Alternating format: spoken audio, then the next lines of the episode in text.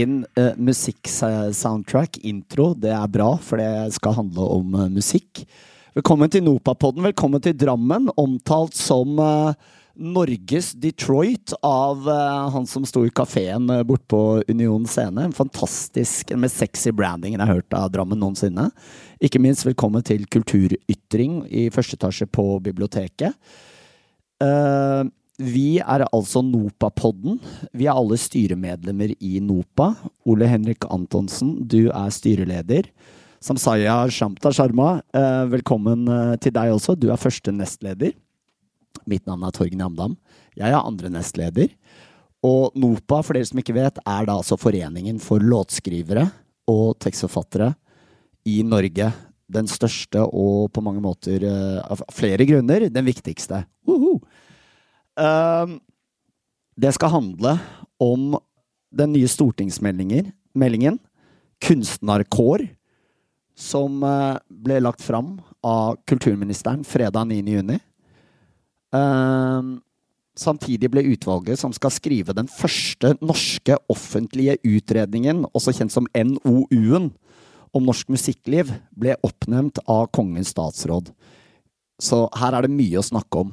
Uh, vi skal også snakke om uh, andre recent events. En viktig del uh, av arbeidet med å sitte i styret i NOPA og for NOPA er å holde seg internasjonalt oppdatert med våre søsk søskenorganisasjoner og hva som skjer ute i den store verden post digital revolusjon. Ole Henrik, du har nettopp kommet hjem fra International Intellectual Property Enforcement Summit 2023. Ja. Høres rimelig heavy ut. Dette er altså um, en summit i regi av EU sitt eget International Property uh, Office. Uh, der var det masse heavy folk uh, på lista. du var i Sof Sofia. Mye top level-folk fra EU, og også bl.a. en visepresident i Amazon Uh, Darmesh Meta. Det synes jeg var en interessant uh, liten uh, ironisk etternavn der. Riktignok med H. Uh, fortell, Ole Henrik. Ja, det heter EU har et kontor som heter Intellectual Property Office, som, som handler om ja, det vi kaller immaterielle rettigheter. da. Som er bl.a. rettigheter i musikk, åndsverk, som vi representerer, men, men, det er også veldig mye på, på den konferansen det er veldig mye som er, ren som piratkopiering. Det var mye customs, altså tollfolk, og hvordan de uh, følger etter. altså piratkopiering av merkevarer av ulike, ulike Altså vesker i Kina ja. og sånn? Ja. Men det som jeg snakka om, eller som var med å snakke om, så han, det penser jo veldig fort inn om det vi skal snakke veldig mye om i de årene som kommer, som er KI, eller AI, da, og, og, og hvordan man har jo allerede eh, definert nærmest det vi tidligere snakka om value gap, altså eh, forskjellen i verdi som de store plattformtjenestene f.eks. YouTube og Facebook, eller Meta, da, har fått, kontra de som skaper innholdet. Og det her gjentar seg nå, frykter man da. igjen da når det kjente KI. for det at kunstig intelligens er jo ikke intelligent. Den bygger på det som har vært gjort før.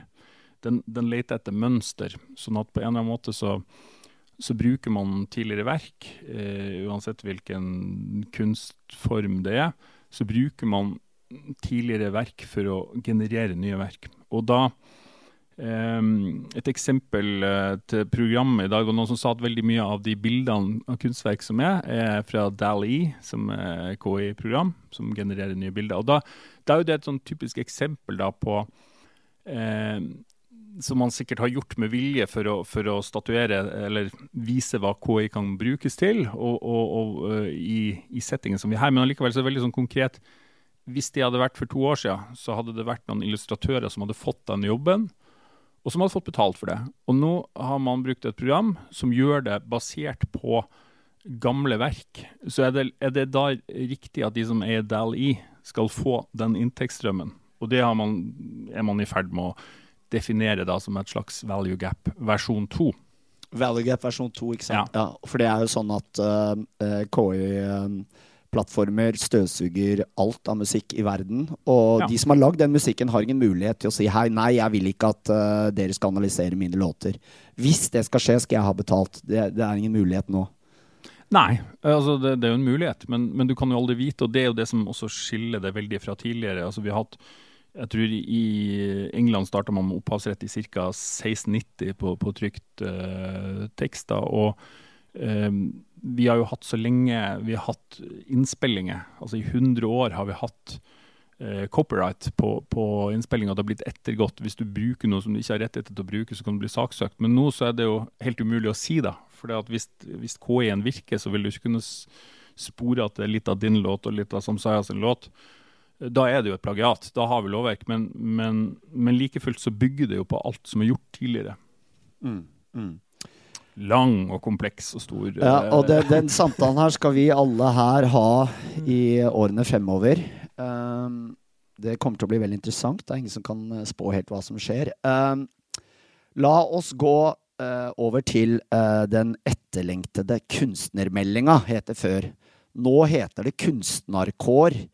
Um, hele meldinga er skrevet på nynorsk. Er jeg en um, Som kulturmenneske så elsker jo jeg nynorsk. Uh, Jon Fosse hadde vært um, uh, Verden hadde vært fattigere uten Jon Fosses uh, nynorskklo. Samtidig så opplevde jeg som litt uh, uh, hakkete å skulle lese den rapporten på nynorsk. Er jeg veldig arrogant, Samsaya? Så når jeg sier det, er jeg en arrogant Oslo-gutt da, eller hva Nei, tenker jeg, du? jeg tenker jo sånn at eh, du må jo bruke et språk for at man skal kunne lære seg det. Så jeg ser, den, jeg ser det grunnlaget. Men det er den der hårfine grensen med at hvem du kanskje ikke når ut til, da.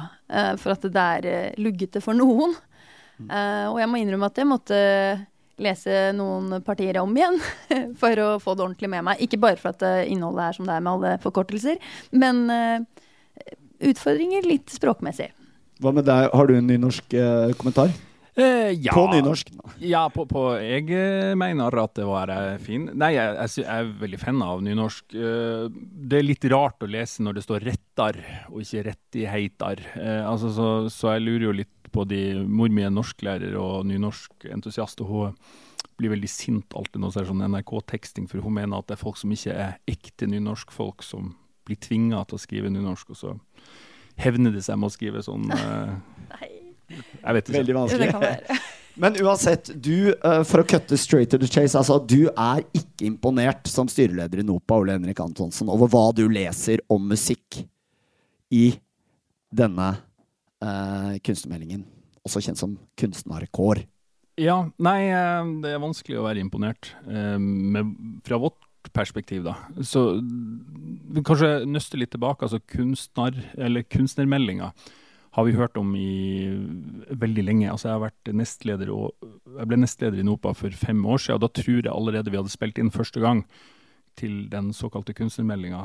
Eh, Seint det året kom jo også den store Kulturens kraft, som var liksom hovedkulturmeldinga. Så skulle det være en rekke sånne undermeldinger som svarer på mange spørsmål. Og jeg vet ikke hvor mange spørsmål vi har hatt gjennom de her årene som der det alltid kommer fra departementet, enten det er embetsverket eller om det er politisk ledelse. Så da, ja, men det kommer i kunstnermeldinga. Det kommer i kunstnermeldinga. Det kommer i kunstnermeldinga.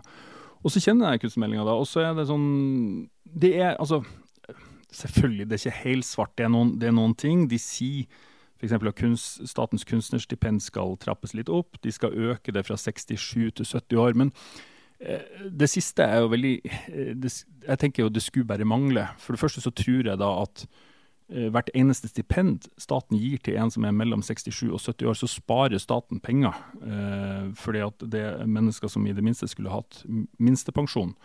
Sånn at eh, det er ikke veldig imponerende. Men Ja, det er 32 stipend. Som vi, alle. vi har, vår gruppe har eh, Det skulle vi sjekke om det er 32 eller 34, men det er veldig få. Bare for å forklare, de, vår, vår kunstnergruppe heter um, eh, populærkomponister og tekstforfattere. Eller den heter bare populærkomponister, men det er også tekstforfattere. Og NOPA har da snart 1500 medlemmer. Vi har i tillegg 500 tilknyttet, og så har vi en god del hundre som, som er aktive i Norge, som, som ikke er medlem. Og alle det her skal det her dekkes da av, av 32 eh, stipendhjemler. Så det er veldig få det her har noe å si. Og det høres litt sånn ut på, på, på departementet til tider at det er liksom er løsninga på alt. Eh, Kulturdepartementet har også ansvar for kultur som næring. Eh, for å legge til rette for det.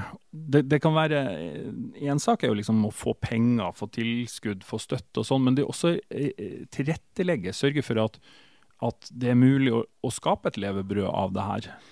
Så har du også Du syns det er av uh, upresis bruk av begreper her, annet uh, musikarar. Ja, det starter jo der, da. Altså, mens andre, andre kunstnerfelt, så, så, har du liksom kalt det for visuelle kunstnere, som er f.eks. bildekunstnere. Øh, de som driver med alle typer grafisk, de som driver med skulptur, øh, hva enn det måtte være. De er visuelle kunstnere. Scenekunstnere, det er skuespillere, øh, dansere osv. De som jobber med regi audiovisuelle kunstnere, alle som jobber med film, mens vi er musikere. Og det er altså komponister, låtskrivere, tekstforfattere, artister og musikere, som er jo ei, ei undergruppe av det. Så, så det, det, starter liksom der med sånn forståelsen vi, For oss er det rettighetene. Vi, vi, vi, er skapende kunstnere. Eh, mange av oss er også musikere. Eh, men for oss som organisasjon og, og som gruppe, da, så, så, er det liksom rettigheter til det vi skaper, som vi jobber for. Og det, eh, når man bommer allerede der, så er det litt sånn det er, jo, det er jo en manglende grunnleggende kunnskap da, som mm. er viktig for å forstå hele feltet. Så det, det er skummelt. Mm. Så opp, opphaversiden av musikkfeltet er uh, underkjent i den rapporten? Altså, jeg tenker det blir jo som uh, hvis du alle, Hvem som jobber med film da, på et kunstnerisk nivå, det er ganske mange yrkesgrupper. Hvis du skulle kalle alle de for skuespillere, så, så, hadde jo du bomma ganske friskt. da. Så, så det er jo på det nivået, da. Uh, den omtaler også norsk, den såkalte norskandelen. Altså hvor mye norsk musikk som blir hørt på i Norge. Uh, det er ikke gode nyheter at uh, vi er nede i 17% på streamerne. Altså at det er bare 17% av norske stream, streaminglyttende publikum som, som hører på norsk musikk. Ja, sånn, for Det er litt sånn ambivalent, det her. For det er også masse gode nyheter. De som følger med i media, har også lest at, eh, at det har vært masse listerekorder på norsk eh, Det har vært veldig mange norske låter som har gjort det veldig bra det siste året. Og det er helt fantastisk bra.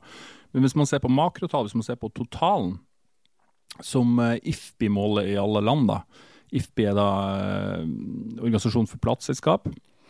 Og, og, de måler det her ut fra hvor eh, Når de snakker om norskandelen i Norge, så er, det, er, du på et norsk plateselskap. Når det er danskandelen i Danmark, så er det et dansk selskap eller en, en dansk eh, eh, dansk kontor av Universal osv. Så, eh, så det, klar, det, kan hende at du misser på noen, men sånn er det jo i alle land. Men mens det siste oppgitte tallet vi har på Norge er 17% så har eh, Finland 34% finsk, og danskene har 42,8% dansk.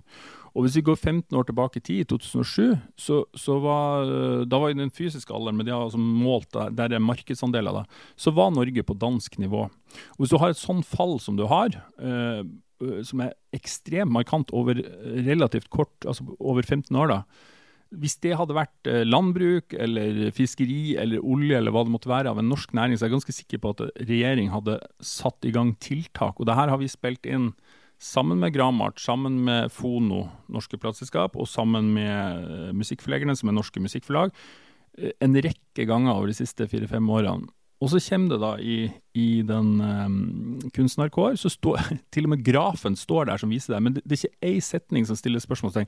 Er det noe vi kunne gjort med det? Uh, og det er veldig, veldig skuffende. Altså. Mm. Hva, har du noen uh, tanker om hva vi kunne gjort om det, eller er det noe du ja, men det er en egen podkast. Det, det, er neste episode. Ja, ja. Nei, men, men det, det, handler jo om altså det, det, er klart, Du kan ikke som i gamle dager vedta at vi skal spille norsk musikk. Folk velger den musikken de gjør, men de gjør jo samtidig ikke det. De velger jo fra kuraterte lister. De, sånn at det handler jo om litt sånn gulrot heller enn pisk, men det er liksom Hva skulle man gjort, da, hvis vi slutta å spise norsk kålrabi. Uh, altså, da, da, må man liksom snu, uh, snu bunken av, av verktøykassa. Det, det, det, er masse man kan gjøre. Og, um, og, man burde i hvert fall aller først adressere at uh, vi, vi, kan ikke sitte og se på det her, for den tendensen er faktisk synkende. Mm. Og kanskje vi har litt sånn lav nasjonal selvfølelse på det vi skaper. Kan det føles som noen ganger at vi ikke tror at vi har en bredde i mangfoldet nok? For liksom, hvis vi ikke heier fram det som lages her, ikke ser hva det er, de insentivene kunne ha hjulpet med det. At folk vet jo ikke helt hva de har når de ikke får hørt det. Ja, også, og Et veldig veldig viktig poeng med det, hvis du ser på makrotall, hva er det du mister da? Det, jo, det er nettopp mangfoldet.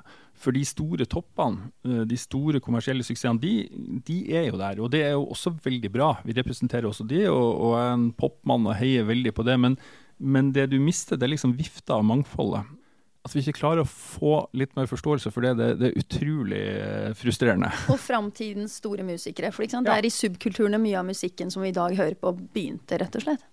Streamerne er jo ikke NRK, sånn sett er det jo bra at vi har NRK av veldig mange grunner. De er programforpliktet til å spille 40 mm, norsk musikk. Uh, det er også uh, omtalt uh, NRK er også omtalt i Kunstnerkår Uh, I et avsnitt uh, om NRK og ressursbruk kan man lese at NRK bruker over 1 milliard på artister, utøvere, skapere, eksterne produsenter og kreative miljø. Er ikke det her gode nyheter, folkens? Ja, det står jo i en setting som man skulle tro at det er disse her musikerne som får en milliard, men uh, ut fra min kunnskap og hva NRK bruker penger på, så stiller jeg meg i hvert fall veldig undrende til det tallet. Om ikke det er ganske mange ganger for høyt. Ja, fordi de drar inn såkalt kreative miljø. Det er et veldig løst begrep. Ja. Jeg kan jo avsløre at vi har snakka med NRK, eh, ledelsen i NRK, som ikke kjenner igjen det tallet. Eh, men vi kjente å spørre Kulturdepartementet om hvordan det få en redegjørelse for hvordan det, det tallet er sammensatt. Ja, at, hvordan har de kommet frem til det tallet? Det får vi ta. Det høres veldig høyt ut for, for ja. deg, ikke sant? Ja, veldig. Mm. Uh, flere ting uh, i, i, i kunstnerkår? Ja, det, det, er jo en god del ting som de nevner. da. Sånn, et eksempel på, på ting som, som de ikke har som har vært et typisk sånn spørsmål som vi har fått svar om at det kommer i, i kunstnermeldinga, det er at uh, du, i Norge så har vi noe som heter privatkopieringsvederlag. Og det er delt i to biter. En bit går gjennom Norvako, og Det er altså mm, enkelt forklart at det skjer en god del lovlig kopiering, og det betaler staten et vederlag for. da. Og med den nye åndsverkloven i 2018 så, så utvida man det til også å gjelde litterære og visuelle verk. Og det er egentlig veldig bra. Problemet var bare det at de utvida ikke ramma på, på ordninga, sånn at uh, det ble mindre til alle. Og det er jo selvfølgelig ikke bra for de som får mindre, så, så det ble spurt om fra en rekke kunstnerorganisasjoner i 2018, 2019 og 2020. I 2020 så kom det i statsbudsjettet at det skal, um, dette skal vi utrede.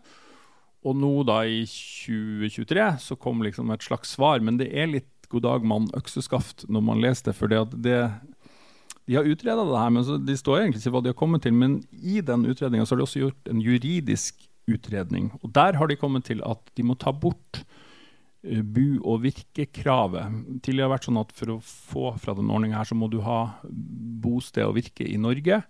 Men det skal nå bort. Altså, det blir enda mindre igjen. I ordninga. Hvis vi skal øh, øh, gjøre blikket litt større igjen og, og, snakke litt internasjonalt om hva som rører seg i verden um, øh, Det er jo et faktum at lille Norge ikke har kjangs til å, å, å liksom alene forandre dårlige avtaler man har med YouTube, Facebook osv. Vi, må, vi må ha hardcore muskler, og det har vi bl.a. i um, EU. Uh, det såkalte DSM-direktivet, Digital Single uh, Market-direktivet, uh, er noe som EU vil at deres assosierte land skal implementere. Men det begynner å bli et par år siden, DSM-direktivet. Ja, eh, direktivet ble vedtatt i 2019. Og det, det skal bare sies at er ikke, Norge er jo ikke et EU-land, vi er et EØS-land. Og uh, vi implementerer alle, alle direktiv, stort sett. Uh, og ofte litt seinere. Men for oss, det DSM-direktivet som veldig forenkla går ut på at, at det skal de store plattformene som YouTube og Meta skal måtte betale mer. Det er liksom hovedessensen fra, sett fra vårt ståsted. Da. Uh, og uh, når da, uh, når da, departementet skriver i sin egen stortingsmelding at regjeringa har som mål å bidra aktivt i det arbeidet EU gjør på opphavsrettsområdet og andre strategisk viktige områder for å sikre norske kulturpolitiske interesser, så blir det veldig rart da, når de sjøl sitter på bukta begge hendene. For vi har masa allerede i fire år nå. Nå må vi komme i gang, vi komme i gang med den prosessen. Eh, og Så sier de samtidig at det første høringsutkastet kommer i løpet av 2023. Og så skal det da eh, lages en lovproposisjon. Og da, eh, sånn som jeg leste i hvert fall, så, så, er det vel lite sannsynlig at det er norsk lov før tidligst 2025. Og da har vi kasta bort tre år i forhold til de andre. Som er mindre, det betyr mindre penger til norske rettighetshavere. da. Mm.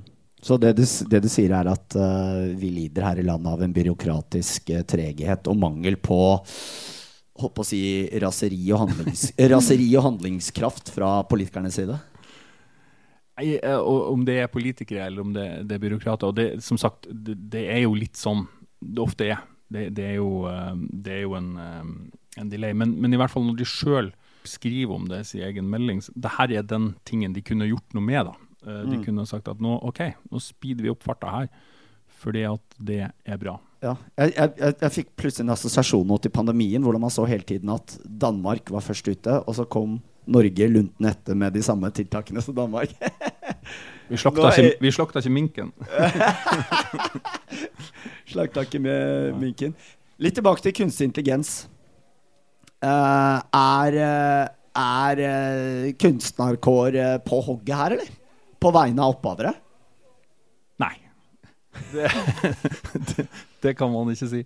Eh, nei, det, det, er veldig skuffende, det òg. Uh, De er ikke fremme i skoa, for å si det litt folkelig? Nei, det kan man trygt si. Og det, jeg vet ikke hvilke forventninger man skulle kunne ha til det, men, men allikevel, når de først tar det opp, og ikke nevner med et ord det som vi var inne på i stad, altså det opphavsrettslige altså det her er en stortingsmelding som handler om kunstnerøkonomi i framtida.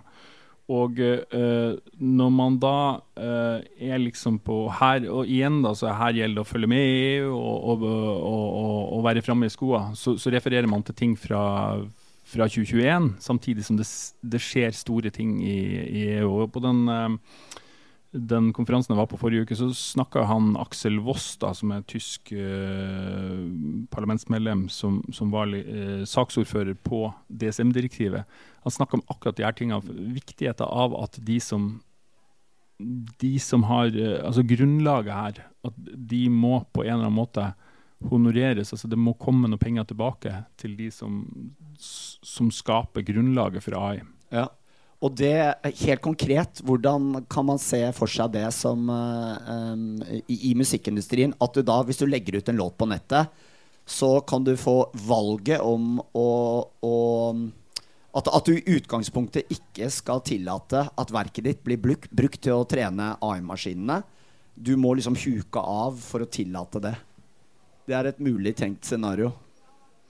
Eh, ja, det er jo et mulig tenkt scenario, men da, da må jo alle gjøre det. For hvis, så, hvis, jeg hadde sagt at nei, jeg reserverer mine verker mot å bli analysert av AI, mm. så ville jo ingen merke noe av det. Men det man har snakka om fra opp, opphaversida, at hvis alle, hvis alle selskap, altså som Tono-selskap, som du har Stim i Sverige, PRS i, i England, BMI og SCAP i, i USA hvis alle de selskapene hadde eh, gjort en sånn opt-in, altså at hver enkelt opphaver måtte gå inn og huke av at det er OK, du kan få analysere mine verk, da tror vi at veldig få hadde gjort det. Og da kunne man kanskje komme Hvis det hadde skjedd, da, at vi hadde hatt et samla felt der kanskje, bare for å ta et tall, at 99% av alle beskytta verk i verden var ikke godkjent for, for analyse til AI. Altså, analysen er jo gjort. Det er bare å se på, mm. på Big Tech de siste 20 årene. Altså, det, det, det, de har gjort alt allerede. Men, men, hvis man hadde den muligheten til, til, å, til å, reservere seg, da, og alle hadde gjort det på, i, heller i et rigg som gjør at, at det faktisk blir gjort, så kan man gå til OpenAI eller hvem det måtte være som kommer med en ny, bra modell og si at OK, 99% av alle beskytta verk i verden er reservert mot AI-analyse. Hvordan har dere trent denne modellen? Og da kan man si at OK, hvis dere har trent den på, på dagens popmusikk, gårsdagens popmusikk, så må det komme noe tilbake. Altså det, det er som den eneste måten at man en slags skatt eller avgift da, som må gå ut til å lage nye verk som KI1 kan bygge på om ti år. Altså, for det stopper jo der. Altså, I hvert fall sånn som KI fungerer i dag. Så um, det er i hvert fall en tanke, da. Så vi må snakke mer om KI, og det burde Kunstnerkår snakket mer om. Mer om. Mm. Uh, hva med vi, vi nevnte innledningsvis denne mm, såkalte NOU-en, Norsk offentlig utredning, eh, om eh, musikk, musikklivet. Mm. Eh, hva er din kommentar til det, Ole Henrik?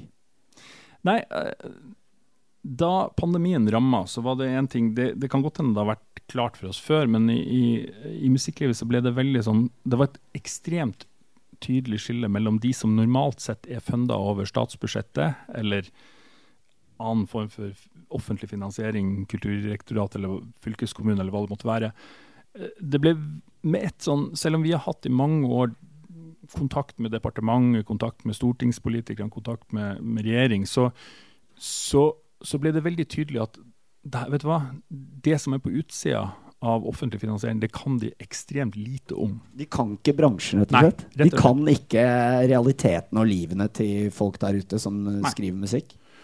Og det måtte vi jo gi de et krasjkurs på da. Og det gikk bra, men inni det her da, inni, midt i pandemien, så, så var det noen som begynte å snakke sammen. Kanskje vi skulle prøve å få en NOU. Det har aldri vært gjort en NOU på norsk musikkliv. Og så var det da ei arbeidsgruppe eh, som også eh, som var fra konkrete organisasjoner, men denne arbeidsgruppa var også eh, Vi snakka ofte om det i det som heter Musikkindustriens næringsråd. Så spilte inn et forslag til mandat som var bra, som mange av oss hadde sett. Det stiller vi oss bak. Og så kom da nå i vår eh, så kom mandatet tilbake fra regjeringa. Det er ekstremt omfattende. Um, og sånn sett kanskje vanskelig innfri, men det er bra.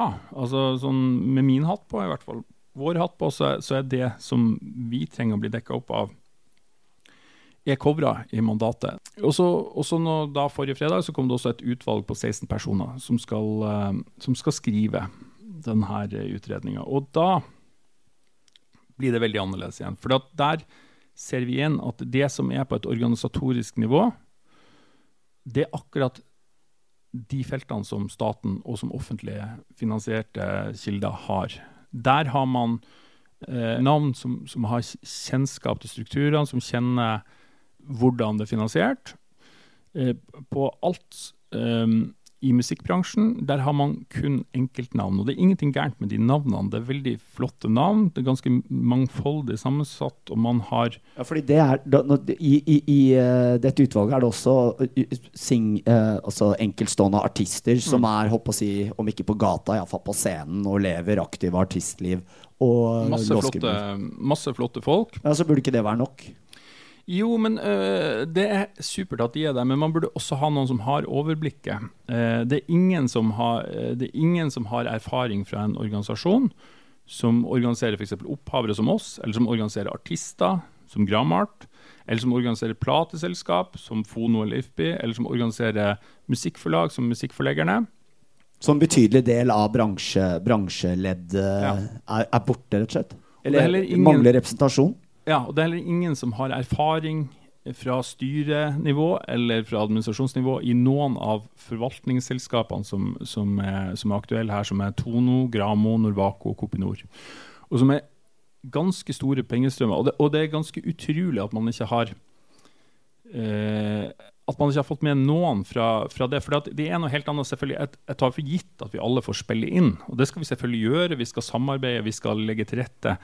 Men det å sitte på innsida av et forvaltningsselskap og vite hvordan avtaler blir gjort, hvilke problem har man når man skal lisensiere med, med YouTube eller Facebook eller hva det måtte være, eh, eh, hvordan fungerer fordelingsproblematikker overalt altså, eh, all den kunnskapen har man missa på. Og jeg har skrevet at man mangler minst halvparten av verdikjeden. Og da frykter jeg da at man står igjen med en NOU som ikke gjør politikere og embetsverk klokere på det som de hadde trengt å bli klokere på, men at de får masse fin kunnskap på det de allerede kan en god del om. og det jeg syns musikkbransjen hadde fortjent å fått en skikkelig bred og helhetlig gjennomgang, som de sier de skal ha.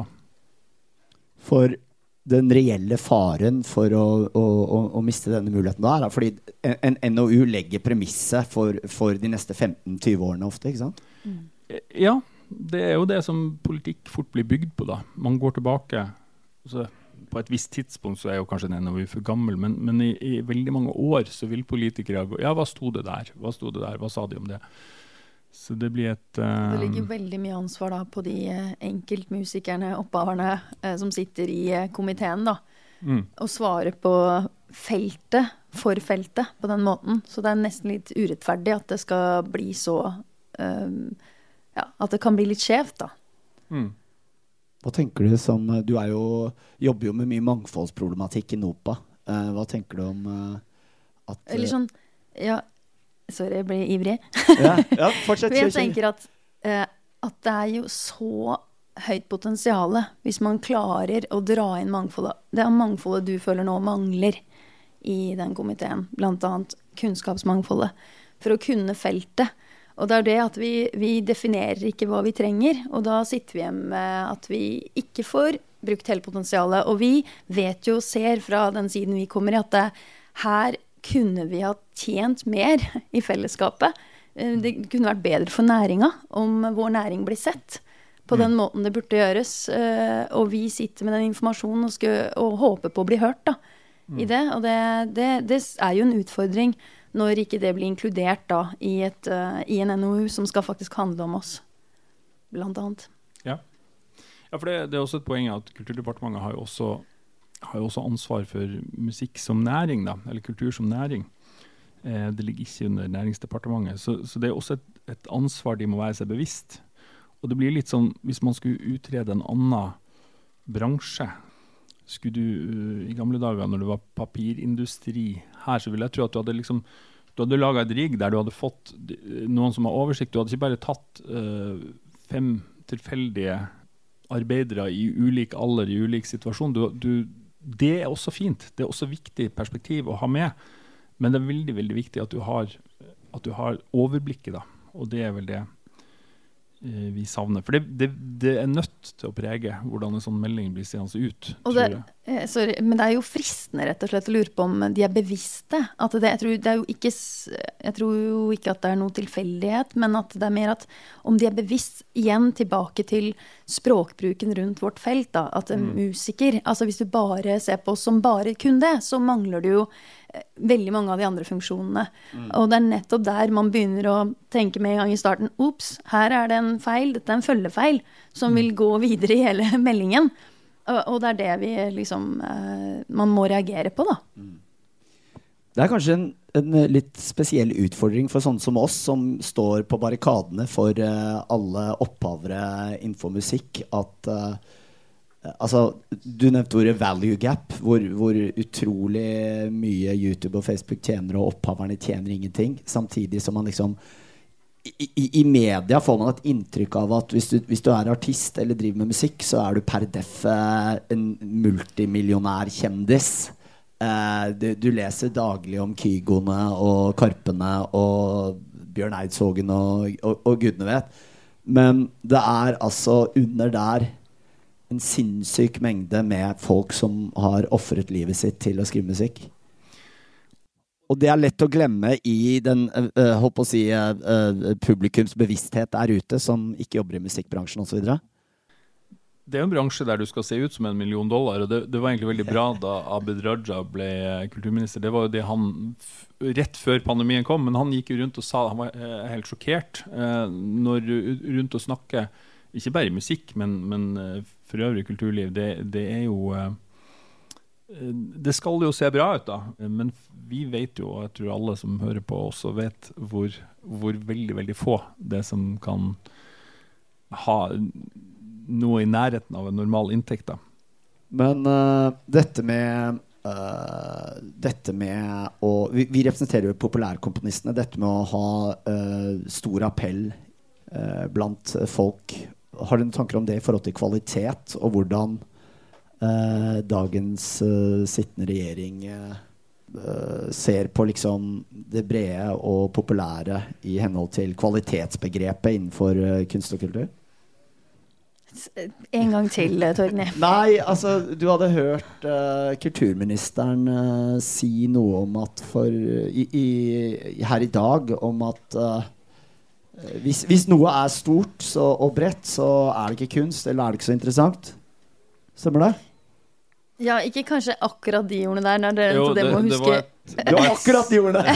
Nei, altså, hva var det hva, Nei, det, var en annen debatt, og det var, var en helt annen sammenheng. Men, men hun sa, og jeg tror, jeg tror, det er litt som Samsaya var inne på tidligere, at det går liksom på at man ikke er helt bevisst på hva man sier. Eh, men jeg skrev ned sitatet, jeg har det et sted, men, men det var i hvert fall at eh, der, eh, der noe er veldig bredt, så er det som oftest ikke interessant. Og det det tenker jeg er litt skummel holdning når du skal være kulturminister for hele kulturlivet i Norge. Ja, og det stemmer jo rett og slett ikke. Nei. Ikke sant? Fordi Pri Prince, for eksempel, var tross alt ganske rå, selv om han hadde appell i, i de brede massene. Ja, og jeg vil jo si at mange vil si det om Karpe. At de tar opp mange veldig relevante problemstillinger og perspektiv som ikke alle har gjort. Men det er jo det at du du bygger deg opp og jobber hardt. og er, Vi snakket om det tidligere også når vi nevner eh, store navneartister. Vi, vi, vi må også se kommersialiseringa er ikke bare for uh, popbransjen, den skjer jo på hele feltet. Hva er det media velger å skrive om? De skriver kanskje ikke om de vanskelige levekårene som artistene tross alt, alle de vi nevnte nå, lever i før de kommer til den situasjonen der de kan breake, og at det ser så flott ut og for andre kan virke helt fantastisk. Nå fikk jeg tanke, Det er det motsatte av hvordan media forholder seg til politikk. For der er det jo bare skriving om det som ikke funker. Men vi lever et fantastisk langt mange måter hvor politikerne faktisk får utrolig mye bra til å skje. Det er ingen som vet om. Det er det motsatte. Her er det, her er det ikke noe negativ prat om hvor mye musikkbransjen sliter. Iallfall oppover det. Nei, det er jo kanskje det som blir vår jobb alltid. og Det, det er jo det er også viktig å, å, ha med seg at, at, veldig mye er bra. Og at uh, selvfølgelig uh, Norge er et fantastisk land å drive kunst og kultur i. Det, det, det blir fort mye klaging når jeg snakker, men, men Jo, men folk må kunne Det er et levebrød. Folk mm. må vite at vi jobber som alle andre arbeidere. Og hvorfor er det viktig? Jo, for da vi kan snakke om hva som virkelig skjer. Altså, det ble også sagt veldig mange bra ting i panelet tidligere i dag. Um, hvordan eh, kunst og kultur, om det var også på åpningen, nå blander jeg kanskje sammen, så ikke hold meg eh, ansvarlig for det, men, men, eh, men at liksom, hvordan det speiler hva som egentlig skjer i samfunnet. Musikk og kultur gjør det. Og Da er det jo så viktig at hvem er det som får være med på å speile det, da. Og hvis vi bare skal speile når det først er i den der fantastiske fasen, men vi ellers ikke kan snakke om resten, da, da velger vi jo 10% av mennesket da, å snakke om da blir jo vi fattigere. Det er ikke rikdom. Det er, det er veldig enkelt, på en måte, men ja. Så jeg, jeg, føler ikke at det er klaging. Jeg føler at det du egentlig gjør, Ole Henrik, det er å vise et større bilde. Ja. Og det er det vi ønsker å gjøre til kunstnermeldinga. Så vi håper jo at vi blir hørt, og at uh, vi får muligheter til å uh, spille inn. Men kanskje også at de tar med noen i utvalget som har den kompetansen. Nå heter det kunstnerkår. Sant. Get with the program. Hva skjer fremover, da, uh, for NOPA? Dette blir jo vår siste pod-episode før uh, sommeren. Vi skal på festival! jeg har vært på festival hele tida. Piknik i parken over Oslo. Ah, så bra. Alt skjer jo rett Hva var det beste, var Buster Rhymes det beste på Piknik i parken? Oh, jeg syns det er litt vanskelig når man ser uh, gamle helter. Fordi man Kanskje er det en kombo at man selv har blitt gammel, og de også har blitt eldre. Ja. I don't know. en ikke, dårlig kombo. det er ikke alltid det er. Du blir litt sånn Gud, men du blir litt sånn Yes, du klarer dette her. Du er andpusten, men du får det til. Altså, hallo, jeg, jeg føler på det selv. men uh, men det er, det er, koselig, det er nostalgisk, og det er alltid gøy når man ser unge være skikkelig begeistra for uh, artister du selv har vært uh, veldig happy om. Du så liksom folk gå hjem med liksom settlista. Ja. Uh, og det, det, er jo liksom Det er sånn at de er så opptatt av det. Jeg skjønner jo at det kommer litt fra oss, og at vi kanskje har planta det litt hos dem, men men det er. Det er, det er bålet vårt, da. Det er møteplassen vår. Det er jo den magien som musikken har. At liksom Sånn som har skjedd med Kate Bush uh, i forhold til um, Stranger, Stranger Things. At det er siden på mangel av noen kanskje Dette er et annen podkast, men bra musikk-TV-program der vi kan samles, så eh, blir det liksom seriene som gjør den jobben noen ganger. At den gjør- ja, skaper et fellespunkt. Det er morsomt at du sier det med settlister, for i morges på Instagram så så jeg en kompis av meg hadde fått sønnen sin på 13 eh, på første rad på Phoenix. Ja. eh, og bare og fått eh, signert settlista og var kjempeopptatt av at det ikke skulle få noe krøll på vei hjem. Så han gikk sånn med settlista gjennom byen etter festivalen. Bare 'Å, jeg har fått Phoenix sin settliste signert!' um, har du noen uh, closing comments, Ole Henrik? Nei. Nå, jeg tenker at eh, nå, nå skal vi eh, fordøye det her litt, og så, så er det snart sommer. Det blir bra. Og så ses vi på Findingsfestivalen, eller? Eh, Nei, vi ses Neppe for øya, for min del i hvert fall. Men eh, så skal vi til Arendal, um, og da skal vi kanskje prøve å gjøre en podkast derfra. Det tror jeg blir neste podkast. Så um, Da er det vel egentlig bare å takke til alle i publikum.